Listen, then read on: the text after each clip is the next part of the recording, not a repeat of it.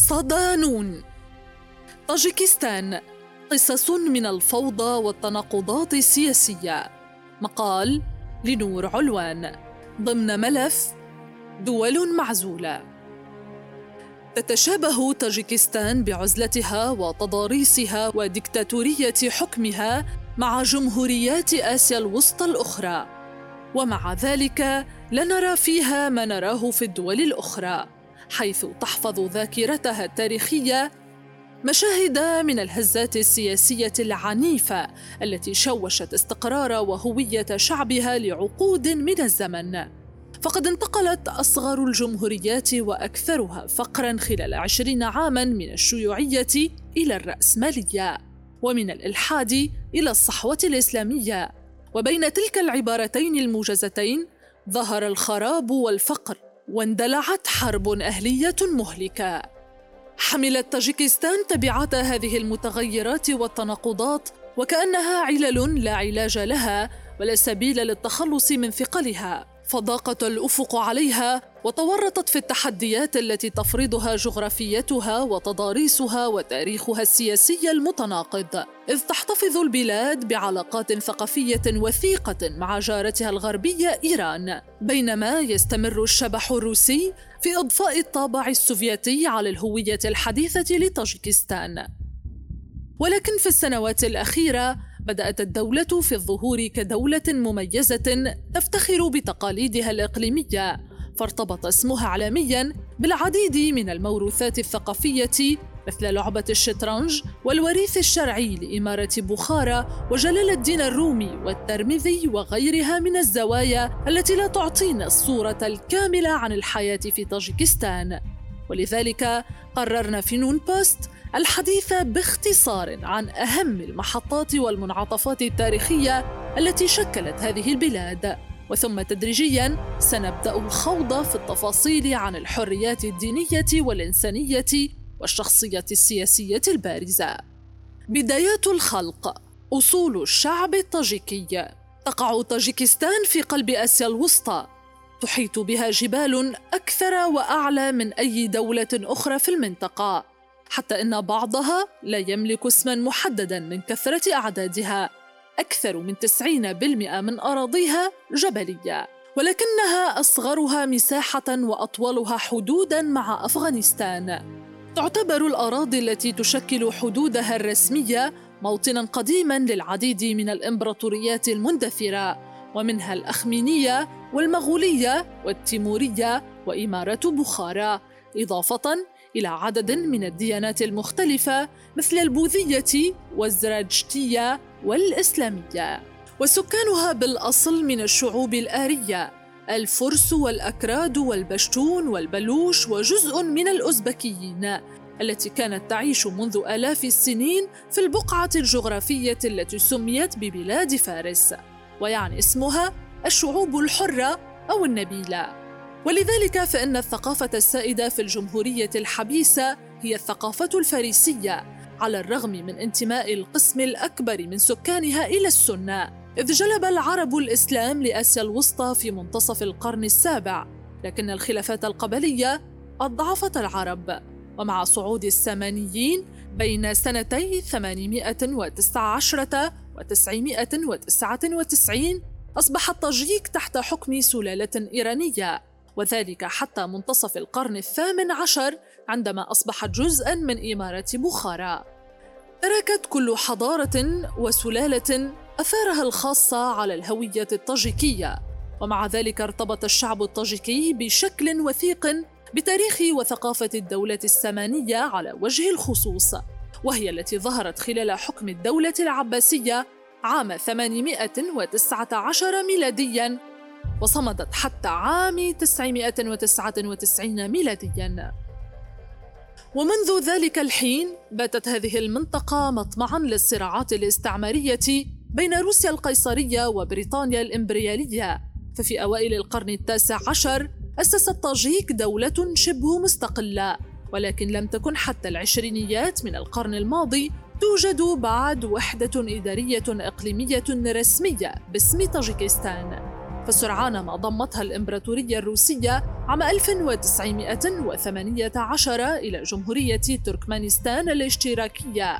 وفي أعقاب الثورة الروسية تأسست جمهورية طاجيكستان السوفيتية الاشتراكية عام 1929 وأصبحت حينها واحدة من الدول التابعة للاتحاد السوفيتي حتى استقلالها عام 1991 يتحدث غالبية الطاجيك اللغة الطاجيكية وهي فرع من اللغة الدارية وهي أفغانية فريسية ومفهومة بشكل متبادل في إيران وأفغانستان تضم 50% من مفرداتها كلمات عربية أو ذات أصول عربية. غيرت أبجديتها ثلاثة مرات على مر التاريخ بحسب السياقات السياسية. فكتبت بالأبجدية العربية الفارسية أولا من القرنين السابع والتاسع إلى أوائل العشرينيات من القرن الماضي ثم انتقلت إلى اللاتينية تدريجيا بين الأعوام 1928 و 1940 بأمر من ستالين بهدف إبعاد المتحدثين باللغة الفارسية في آسيا الوسطى عن الناطقين بها في إيران. ومن بعدها أقر إصلاح جديد وأصبحت الكتابة السيريلية النظام الرسمي في البلاد. يتحدث الطاجيك إلى جانبها اللغة الأوزبكية التي تعد اللغة الأكثر انتشاراً بعد اللغة الأم إضافة إلى اللغة الروسية التي تستخدم في الدوائر والخطابات الرسمية. فعلى الرغم من أن اللغة الطاجيكية أصبحت اللغة الوطنية لطاجيكستان المستقلة عام 1991 بعد حل الاتحاد السوفيتي وإصدار قانون يفرض استخدامها في الدوائر الرسمية بدلاً من الروسية. فإن تنفيذ هذا القرار أعاقه حقيقة أن ثلث السكان فقط في طاجيكستان يتكلمون اللغة الطاجيكية.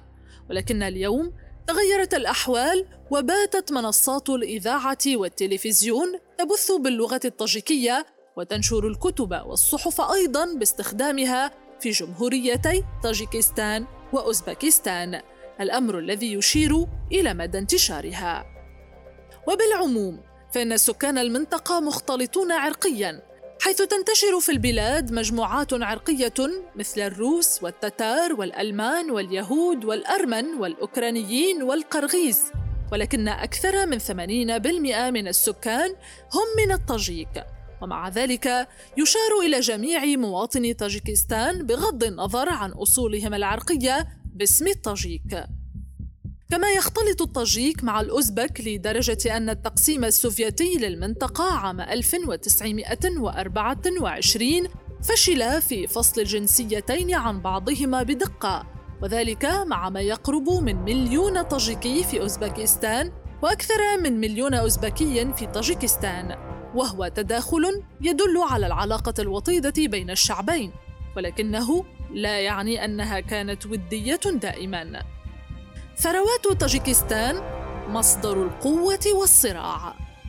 تمتلك الجمهورية الحبيسة بعض الموارد الطبيعية القيمة مثل الطاقة المائية والمعادن العامة كالألمنيوم والحديد والرصاص والزنك والزئبق والذهب والقصدير والأنتيمون واحتياطات متواضعة من الفحم والنفط والغاز الطبيعي.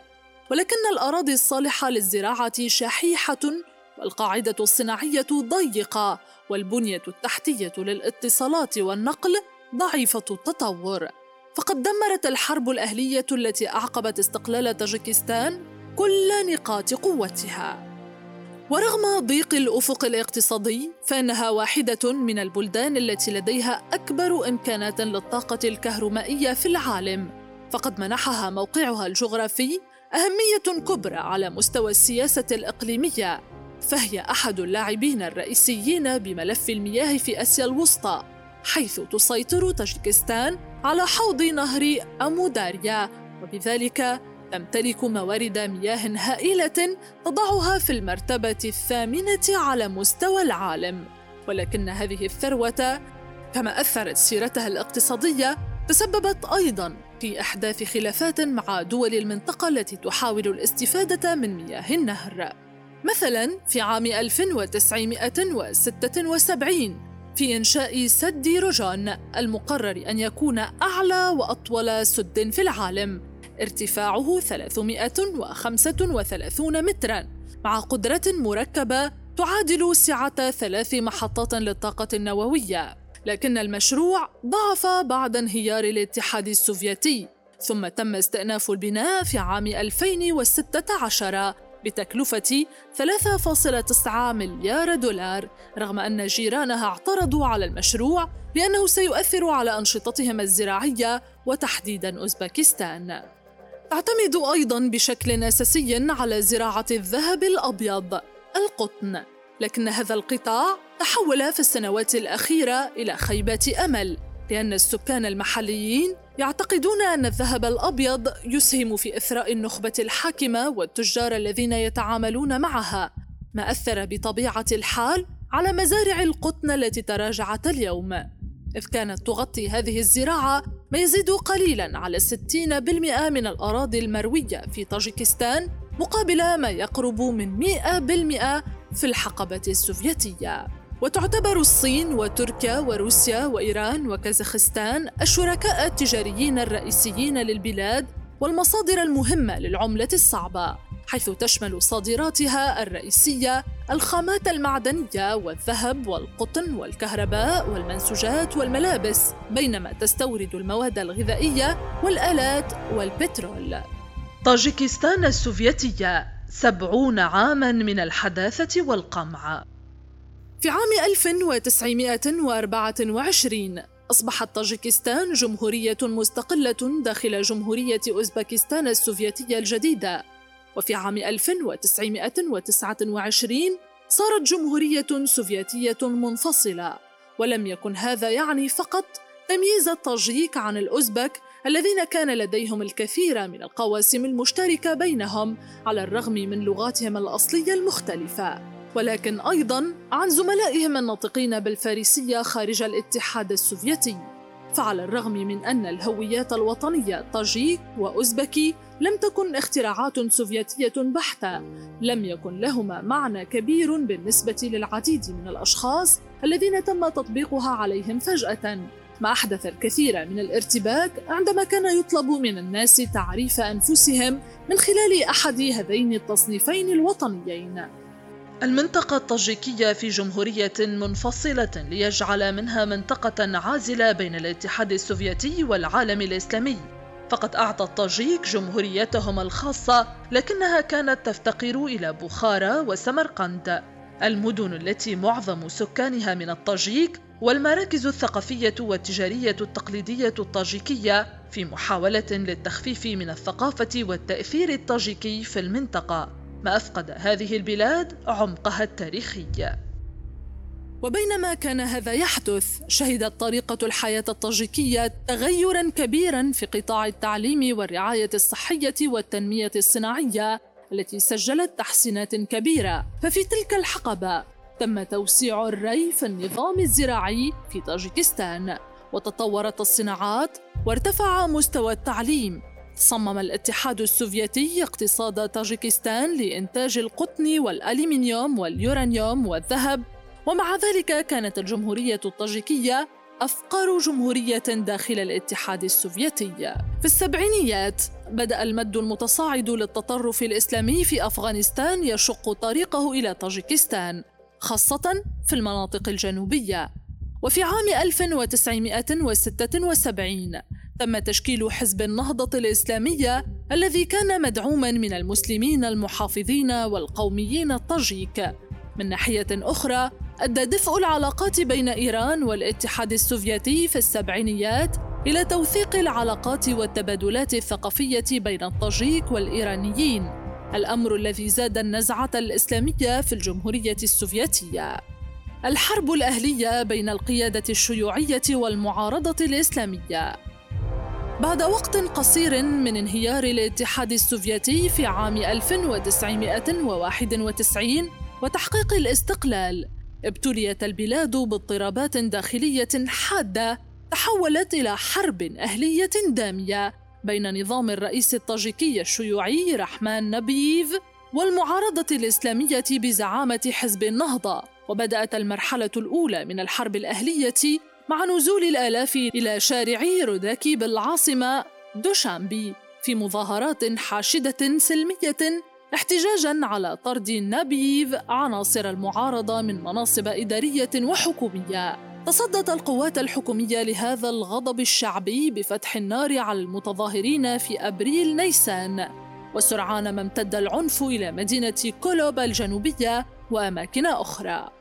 طردت المعارضة نابييف من منصبه في سبتمبر أيلول واستولت على السلطة لفترة وجيزة. ولكن بحلول نوفمبر تشرين الثاني تشكلت سلطة شيوعية مرة أخرى بقيادة إمام علي رحمنوف وبدعم من القوات الروسية وأوزبكستان للسيطرة على البلاد. تبع هذا التهاوي نزوح جماعي لأفغانستان ومقتل نحو 200 ألف مواطن وتهجير 250 ألفاً وتركت ما يقارب من 500 ألف شخص بلا مأوى. إضافة إلى خسائر مادية قدرت بسبعة مليارات من الدولارات. اضطرت الأطراف المتصارعة بعد الخوض في عدة مفاوضات وجولات إلى توقيع اتفاقية للسلام في موسكو بعد ست سنوات من الحرب. برعاية روسيا وإيران والأمم المتحدة وسمح الاتفاق للمعارضة التي تمثلها أحزاب إسلامية بأن تستحوذ على 30% من المناصب الحكومية مع الاعتراف بها ومنحها صفة الشرعية. وفي المقابل تعهدت المعارضة بنزع السلاح وانضمام بعض من قواتها إلى الجيش الطاجيكي. كما سمح الاتفاق للجيش الروسي بالانتشار في البلاد تحت اسم قوات حفظ السلام. وبذلك كتبت آخر سطور الحرب الأهلية في طاجيكستان. لكن بمرور الوقت نجح رحمان في طردهم وإرساء سيطرة حازمة على الحكومة. ولم يعتبر المراقبون الأوروبيون أن أي انتخابات رئاسية أو برلمانية طاجيكية كانت حرة ونزيهة. الواقع الاقتصادي في البلاد. الواقع الاقتصادي في البلاد فقد تأخرت الإصلاحات وهجرت الموارد البشرية وتدهورت البنية التحتية. وبناء على هذه المعطيات صنفت طاجيكستان عام 2000 من بين 20 دولة في العالم بمتوسط دخل سنوي للفرد يبلغ نحو 130 دولارا أمريكيا حيث يعيش ما يقارب 85% من الطاجيك تحت خط الفقر. ويعتقد أن أكثر من مليون طاجيكي أو نحو ثلث السكان يعملون في روسيا وتمثل تحويلات هؤلاء العمال المهاجرين نحو 52% من الناتج المحلي بحسب بيانات البنك الدولي. أدت هذه الأوضاع المتهالكة إلى خلق مشاكل اجتماعية وسياسية، فعلى الصعيد الأول نشطت تجارة المخدرات عبر الحدود وترك ملايين الرجال منازلهم وعوائلهم بحثا عن عمل في الخارج. مما تسبب بارتفاع ظاهرتي الطلاق والتفكك الأسري بالمجتمع. أما الصعيد الثاني ففتح باب التدخل الإقليمي والدولي على مصراعيه وعليه باتت البلاد مركزا لمصالح ومنافع الدول الأخرى. حكم الحزب الواحد الحرب على الإرهاب أم الحرية الدينية؟ بعد فوزه الانتخابي في عام 1999 سعى رحمانوف إلى إرساء سلطة الحكومة المركزية في جميع أنحاء طاجيكستان فاعتقل أفرادا من المعارضة ونفذ حملة لنزع سلاح الميليشيات غير التابعة للدولة. كما بدأ ما اعتبره العديد من المراقبين انجرافا نحو الاستبداد باستخدام الرئاسة لزيادة سلطته الشخصية وتوجيه البلاد بعيدا عن التعددية السياسية التي دعا إليها اتفاق السلام لعام 1977 وفي الوقت نفسه استمر في تثبيت عائلته الممتدة وشركائه الشخصيين في أدوار مهيمنة في السياسة والأعمال في طاجيكستان أجرى رحمانوف استفتاء بشأن مجموعة من التعديلات الدستورية التي ستطبق فقط في فترة حكمه لكونه زعيم الأمة كما يقول. وكان أهم تلك التغييرات فرض حظر على الأحزاب الدينية والترشح لعدد غير محدد من الولايات الرئاسية وتخفيض الحد الأدنى لسن المرشحين لتولي الحكم من 35 إلى 30 سنة مما سيسمح لابنه الحالي الترشح للانتخابات المقبلة. اتخذ رحمانوف أيضا إجراءات تعسفية ومجحفة بحق الحريات الدينية. فقد استغل إعلان أمريكا الحرب على الإرهاب في أفغانستان لمحاربة حزب النهضة الإسلامي.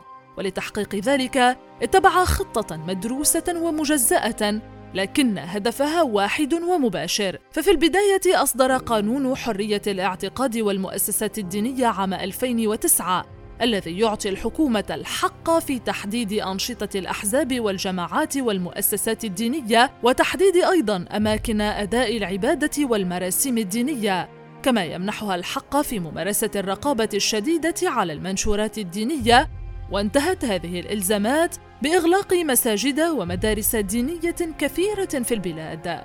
فرضت الحكومة قانون المسؤولية الأبوية الذي يحظر التحاق جميع السكان دون سن الثامنة عشر عاماً من العبادة في المساجد والكنائس أو غيرها من المواقع الدينية. إضافة إلى ذلك، منعت الحكومة كل مظاهر التدين مثل أداء الصلاة خلال ساعات العمل وحظرت ارتداء الحجاب وإطلاق اللحية فقامت بحلاقة لحي ثلاثة عشر ألف رجل كما أجبرت أكثر من ألف امرأة على خلع الحجاب كخطوة لمواجهة التطرف الديني. فالحكومة تستغل انضمام أكثر من 600 من مواطني طاجيكستان إلى صفوف تنظيم الدولة في العراق وسوريا لتبرير حملتها ضد الإسلام في البلاد. وبحسب ستيف سويردلو باحث يعمل لصالح هيوم رايتس واتش في آسيا الوسطى فقد ازداد الوضع سوءا في سبتمبر عام 2015 عندما اتهم حزب النهضة الإسلامية بالمساعدة على محاولة إحداث انقلاب إسلامي حيث اندلعت اشتباكات في طاجيكستان في الرابع من سبتمبر بين المسلحين الذين يقودهم نائب وزير الدفاع السابق عبد الحليم نزار زودة وقوات الحكومة مما أسفر عن مقتل أكثر من 26 شخصاً بينهم تسعة من رجال الشرطة ونزار زودة ذاته. وحينها أصدر حزب النهضة الإسلامية بياناً يدين فيه كل من رواية الحكومة عن الأحداث وانتفاضة نزار زودة موضحا بأن الأخير لم يكن عضوا في الحزب. ولكن مع ذلك وبعد يومين فقط اعتقل الدوشيمبا العشرات من قادة حزب النهضة دون أي أدلة تتمتع بالمصداقية تربطهم بأحداث العنف التي شهدتها البلاد. وفي الأشهر التي تلت ذلك وسعت الحملة لتشمل أي شخص كان عضوا في الحزب أو أي شخص ذي صلة مع أعضائه وحتى المحامين الذين كانوا يعملون لصالح الحزب. وبالمحصلة أشارت التقديرات إلى أن طاجيكستان اعتقلت نحو 200 شخص من النشطاء السياسيين في تلك الفترة. إذا المشاكل في طاجيكستان لا تنتهي ولا تقتصر على حقل معين.